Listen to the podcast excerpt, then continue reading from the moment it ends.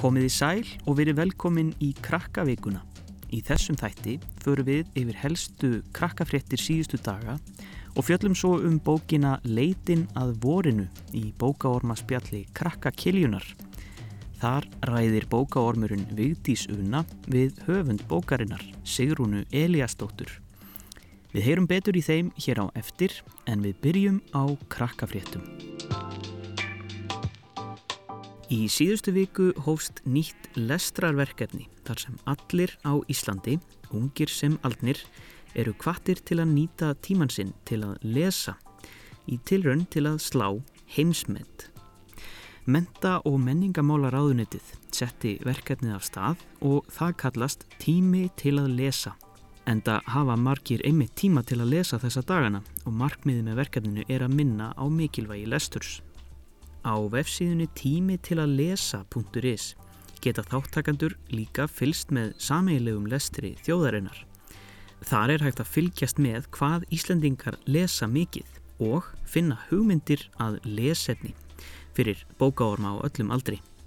Margir þekktir reytöfundar hafa líka sendt kvartningar skilabóð og sagt frá sínum uppáhaldsbókum. Hæ, Gunni Helga hérna. Velkomin á tími til að lesa og til hafingi með að vera komin í landsliðið. Þetta er geggjað. Nú þartu bara að byggja mamma og pappa að lesa og alla vinnina og alla ættingjarna bara og alla sem þú þekkir og skrá tímana hérna. Við ætlum að slá heims með þið. Ég heiti Kristín Ragnar og ég er teiknari og rítumundur. Í tilöfni þess að það er tími til að lesa núna þá langar mig til að mæla með þremur bókum sem eru virkilega spennandi en líka myndskreittar. Og þá er það fyrst Blíðfinnur eftir Þorvald Þorsteinsson, myndskreitt af Lindu Ólafsdóttur. Síðan er það ný útgáfa af Harry Potter. Ég á hana bara á ennsku en ég veit að það er búið að þýða fyrstu tvær ótrúlega fallegar myndir í þessum bókum og myndir í bókum geta hjálpa til við lesturinn. Að lokum langar mig til að mæla með þessari bók hér, Skrimslið kemur. Góðan daginn, ég heiti Brynhildur Þóraðinsdóttir. Ég ætla að benda ykkur á tvær nýja sem er mjög vinsar á mínu heimili núna.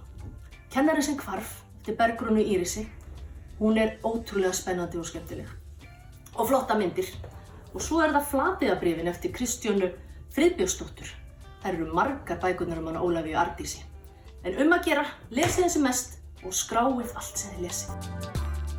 Tími til að lesa stendur til 30. apríl og markmiðið er að samanlæður lestra tími verði skráður í heimsmetabók Guinness.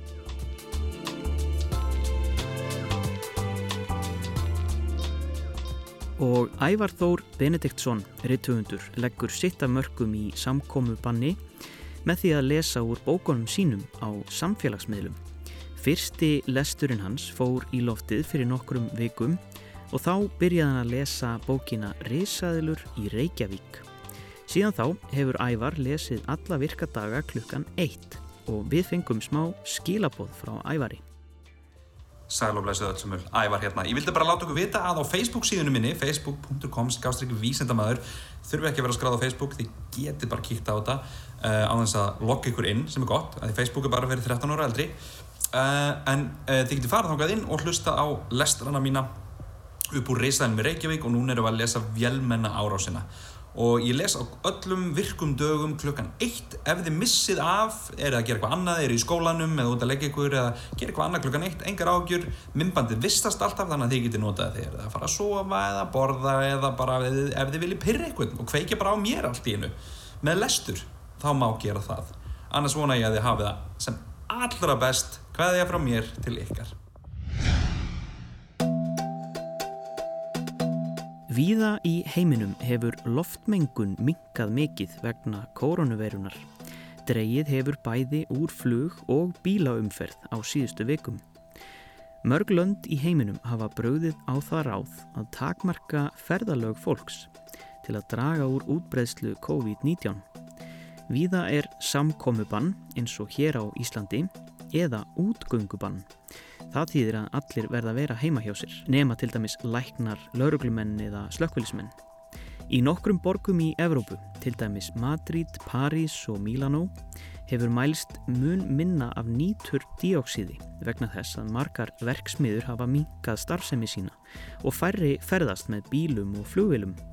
Nýtur díóksíð er mengun sem verður til þegar jarðefna elsneiti er brent, til dæmis bensín. Mengun hefur líka minkað í Kína, sérstaklega á þeim svæðum þar sem kórunuveiran dreifðist mest. Ef gerfinnattamindir frá því um áramótin eru borðnar saman við nýlegar myndir sést munurinn greinilega.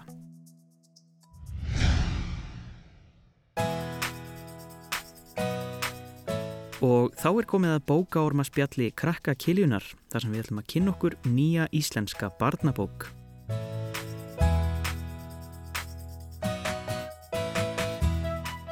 Í bókaorma spjallinu í dag ætlum við að fjalla um leitina að vorinu eftir Sigrunu Eliastóttur og hún er hinga komin. Ertu velkomin? Takk fyrir. Uh, hjá okkur er líka bókaormur sem heitir Vigdís. Ertu velkomin? Takk. Uh, leitin að vorinu. Vigdís, hvað getur sagt okkur um þessa bók? Í þreymur orðum. Hún er frumleg, spennandi og kemur, orð, kemur óvart. Kemur orð. Var þetta eitthvað svona, var þetta markmið? Er þetta, hvernig finnst þér þessi Já, þetta bara, þryggja orðadómur? bara mjög góðu dómur, mm. ég að segja. Já, Já, ég er mjög sátt við það. akkurat. Og hvað er þessi, um hvað er þessi saga? Hún er, um, sko, ég vil ekki segja mikið. Nei, já, En- við skulum passa okkur á, á, á hérna, eðilegi. Sko, fyrst er eins og þetta séu tvei strákar, svo kemur kannski annað í ljós. og um, þetta sem sagt, það, er, það kemur ekkert vor í aðna vel sem heitir Norðurheimur. Já, og þessi þessi tveir mm, strákar eða kannski strákar. Personur bara. personur, já. þeir aðna leggja stað í langför til að heimsækja öldungin sem veit vist hvort að voru kemur eða ekki eða hvernig það kemur. Og svo held ég að þið verður bara að komast að hinn Já. Svo er margt sem gerist á leiðinni Já. og þau hitta alls konar, Íllkvæli já, og alls konar og skrímsli. sæpúka á myndinni Já, akkurat, sæpúkarnir og fleiri og fleiri. Hvað fannst þér svona skemmtilegast við þessa bók? bara Þú sagði að hún hafi komið á óvart. Hvernig, hvernig kom hún eiginlega á óvart? kannski eins og maður held til dæmis að þetta væri tvei strákar Já, svo kannski er það ekki endilega tvei strákar ekki allir það sem eru síðir? Mhm. Nei, einmitt. Og svona, og hvað í sögunni fannst þér skemmtilegt? Var, hérna, var mikið af, mjög Mikið af skemmtilegt svona eins og til já, mjög, mjög mikið af skrimsli Já, mjög svolítið skemmtilegt já, akkurat.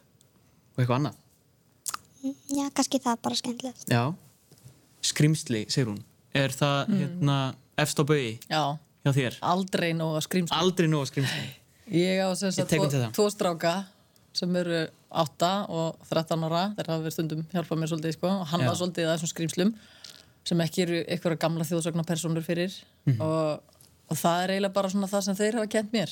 Já. Það er aldrei nóg, nógur hasar, það gerist aldrei nóg hratt Mhm.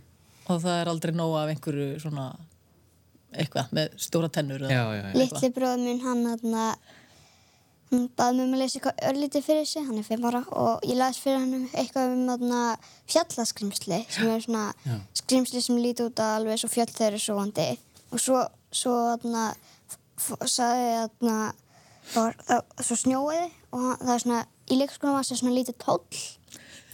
Og hann þarna þorð og, hann, og allir átt að renna sér snjóð út og hann sagði bara nei ég fíl ekki renna mér.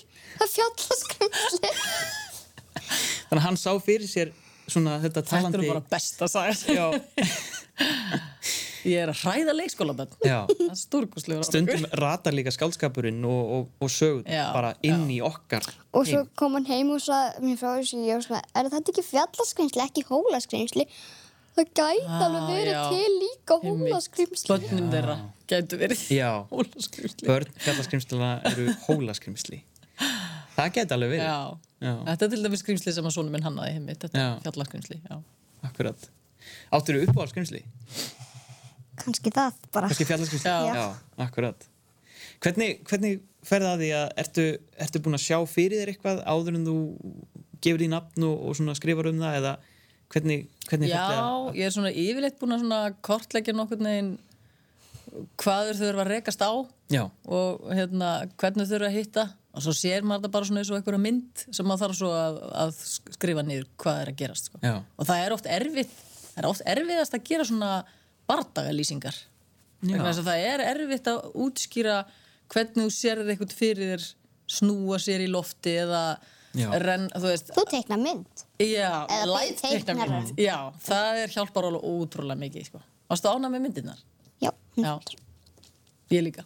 Það var rosalega það. hvernig, hvernig var það? Sástu þér alveg eftir á eða var þetta svona einhvern veginn með í ferlinu? Já, sko, ég hef aldrei hitt hann, Nei, Sigmund, já, og ég sagði bara, ég benti bara og segi ég vil þennan. Hann hafði, hann hafði minnskrætt fyrir hann Artísi, hérna. Ég sá það í hennar bók, hérna nærbúksna Já, bókunum. ég, þegar þú segir það þá. Já, Nei. hann gerir það líka. já, og hérna ég bara hann fekk bara að lesa handritið og hann bara kom með allar þessar tilugur ég hefði eiginlega engar aðtóðasemdir við það. Já, þannig að hann einhvern veginn sá þetta bara mjög fyrir sig bara eins og ég sko. En breytist sagan eitthvað þegar þú sást myndir? Eða sérst, nei, nei, það, var, ekkert sem eftir á. nei, kom allt eftir á. Þetta tekur allt svo langan tíma sko. næsta bók er núna bara veist, fyrir minnskreitingu bráðum sko. já, Já. ég skil. þetta er alveg Se, segðu hans frá því að því þetta er ekki, þetta er ekki bara stök bók, Nei. þetta er, þetta er svolítið stærri heimur, Já. stærri saga. varst það ekki leið þegar þú fattaðir að þetta væri ekki búið Tja, mm, ekki beinlínis, en Nei. mér er svona eins og þarf ég að býða eftir næstu Já. bók. Já, Einmitt. þekki þá tilfinningu. já, Það er svona, Það er allt, oft að bíða. allt endar í svona lausu lofti, já, en það ekki? eins og ég oft fengið bækur með svona sjálfstætt framhald og maður svona alltaf, það kemur önnu bók en það er alltaf leið að því þetta er framhald þetta er ekki það nei, nei Já, þetta er svona endur en samt ekki Já, endur það er ekki búið að leysa málið sko. nei, ekki alveg. En ég er sem sagt búin að skrifa næstu bók Mhm. og að hún er í ferli bara hjá forlæginu og þú veist það þarf að laga þú veist, Mhm. þetta kemur þetta sem ég veist leðilegt þú þarf að lesa þetta yfir aftur og aftur Mhm. Og breyta ykkur smá orðalagi sem að ég hef ekki sérstaklega skoðun á Mhm. þú veist, ég, mér finnst bara gaman að gera söguna og skiptir ekki hvort það sé að eða þá eða eitthvað svona Mhm. orð er vesen að vera um, rithöndur Þetta er góð spurning. Já, þetta er góð spurning, ekki vesen en þú veist það er svona misskemmtilegt þegar þú ætti að segja að þú ætti að lesa yfir aftur Já, og já, og þá var maður bara svona orðin pínu leiður á sjálfum sér að lesa Já, aftur já, Já. þetta er bara sem maður að gera rítgerð í skóla og maður þarf alltaf að fara að gera hana betur og betur og maður svo bara svona en ég er búin að lesa þetta tíu sinni, Þú veist, er þetta ekki bara ágætt? Þú veist, þannig að maður, svona, maður langar bara að fara að gera næsta. Já. þannig að ég hugsa stundum með mér bara svona getur ekki eitthvað annar gert þetta? En það er engin annar sem getur beint tekið ákvörðun um hvort að ég taka einhver orð út svo kemur kannski eins og svona þú, þú lætir kannski einhvern gera þetta fyrir þess og kemur bókin út og það stendur eitthvað svona Sigrun Eliasdóttir og einhver allt annars eða eitthvað sem mér finnst bara fánalegt þú veist, ég sé bara, þú er búin að taka þetta út þetta ræði Já, já, sumt finnst mér rosalega mikilvægt að sé en annað ekki sko. Þannig að Já, nei, ekki beinti vesen en það er svona mismunandi skemmtilegt hvað er en það er rosalega gaman að fá myndirnar þegar það er búið að svo myndskreita skrítið eins og ef þú hefðir til dæmis ekki haft fjallaskrimslin mm. þá hefði ég ekkert verið svona þú veist eins og, hverju kom ekki fjallaskrimsli vegna þess að þá ég hefði ekkert vitað um Nei. en nú þegar þau, þau komi þá finnst mér eins og þau mætti, hefði ekki mátt er mjög skrítið einmitt. allt er eins og það á að vera Já. í svona bók. Já, Þannig að þið komuð þér fyrst á óvart Já. og svo fannst þér bara að vera eðlilegt svona í þessu Mér er svona eins og, eins og ef, ef það hefði ekki verið eins fjallaskrimsli þá veist, hefði ég ekkert svona, svona eins og um, hú, af hverju er ekki fjallaskrimsli? Mm vegna þess að ég hefði ekki þekkt þau Nei. en En þau voru akkurat það sem þurfti. Mér finnst fann sem einhvern veginn þegar ég las bókina að það, það hefði ekki mátt vera engin fjallaskrimsli Akkurat það verði alltaf að vera hættur þú veist, þótt að ég hefði ná ekkert, ekkert þekkt þessi fjallaskrimsli eða það hefði ekki verið þetta mjög Nei. Já. En í hvaða heimi gerist þetta? Þú, þú sagðir að þetta gerist í norður heimi, heimi. Eða ekki, jú og svo, eru, svo fara hérna, þessar aðalpersonur Hugo og Alex. Þeir fara út fyrir sinn hérna, heimabæ já, Já. Hvert fara þeir? Og hvað? þau ætla að heimsækja öldungin einhvern svona og einhvern vofidring sem á, veist að vita hvort að voru, voru kemur og ef það kemur, hvenær og hvað. Og svo er í rauninni bara sagan sko, það, við vitum ekkert hvort þeir náði í rauninni af því að við erum bara í Nei, en ég ætla samt að á það. Já, þú ætlar að giska á það Hafa það þannig, alltaf. og ég Nú komin degja pressa í lókin Akkurat Nei, Já. ég hugsa nú ekki En hvaða, hérna hvaða persóna er þetta, öldungurinn? Hvernig, hvernig kom, kom það til? það verður, að- það verður einhvern veginn að vera einhver svona í öllu svona verður að vera einhver sem veit eitthvað meir en hinnir þú veist, þú ert með eitthvað vandamál og þú verður að geta leitað þú veist, til nornarinnar eða, e, þú veist, þetta er bara í öllum aðeintýrum það er einhver sem er með einhverju upplýsingar. Hann er ekki með allar upplýsingarnar en hann allavega getur sko ha- hjálpað þeim að halda áfram með verkefnið. En hann er smá svona svikull sko, Já.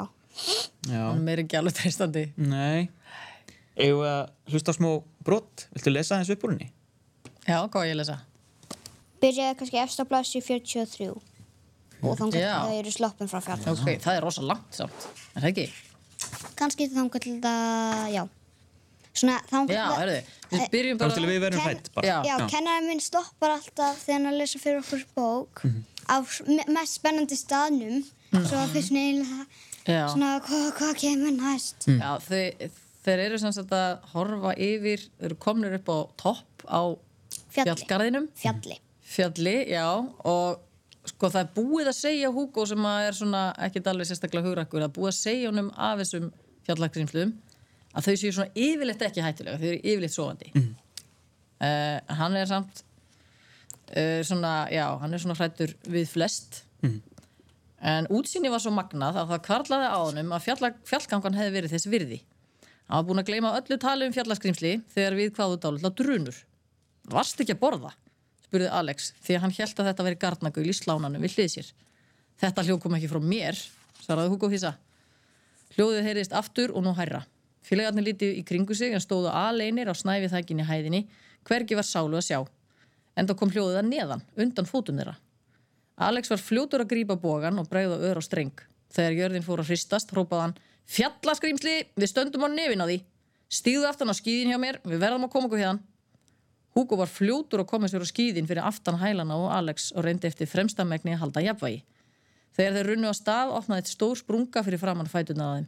Þar ofan ég var ekki mold og grjót eins og við máttu búast, heldur heitur og slepilígur munnur með risavöxnum tönnum og bleikri tungu.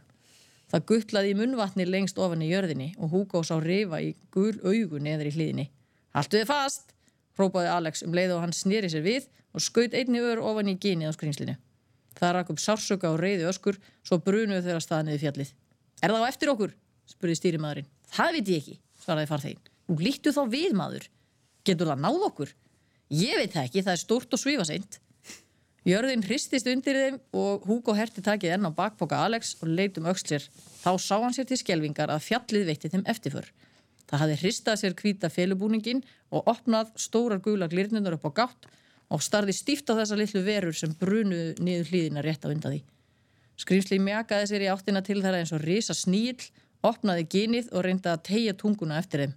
Hugo fann hitan og rakan úr munninum streyma um botnin á sér. Er Það ekki gott? Jú. Þetta er mjög spennandi Sigrún Eliasdóttir, til hann með bókina aftur og takk fyrir komuna Takk fyrir. og veitist takk fyrir að koma og segja okkur frá henni Takk. þá segir þetta bara gott í bili Takk Takk fyrir.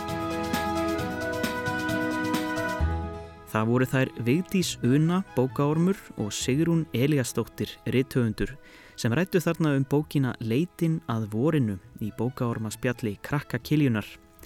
En þessu er lokið hjá okkur í kvöld. Hafið það sem allra best í páskafrínu. Táka til næst. Bless, bless.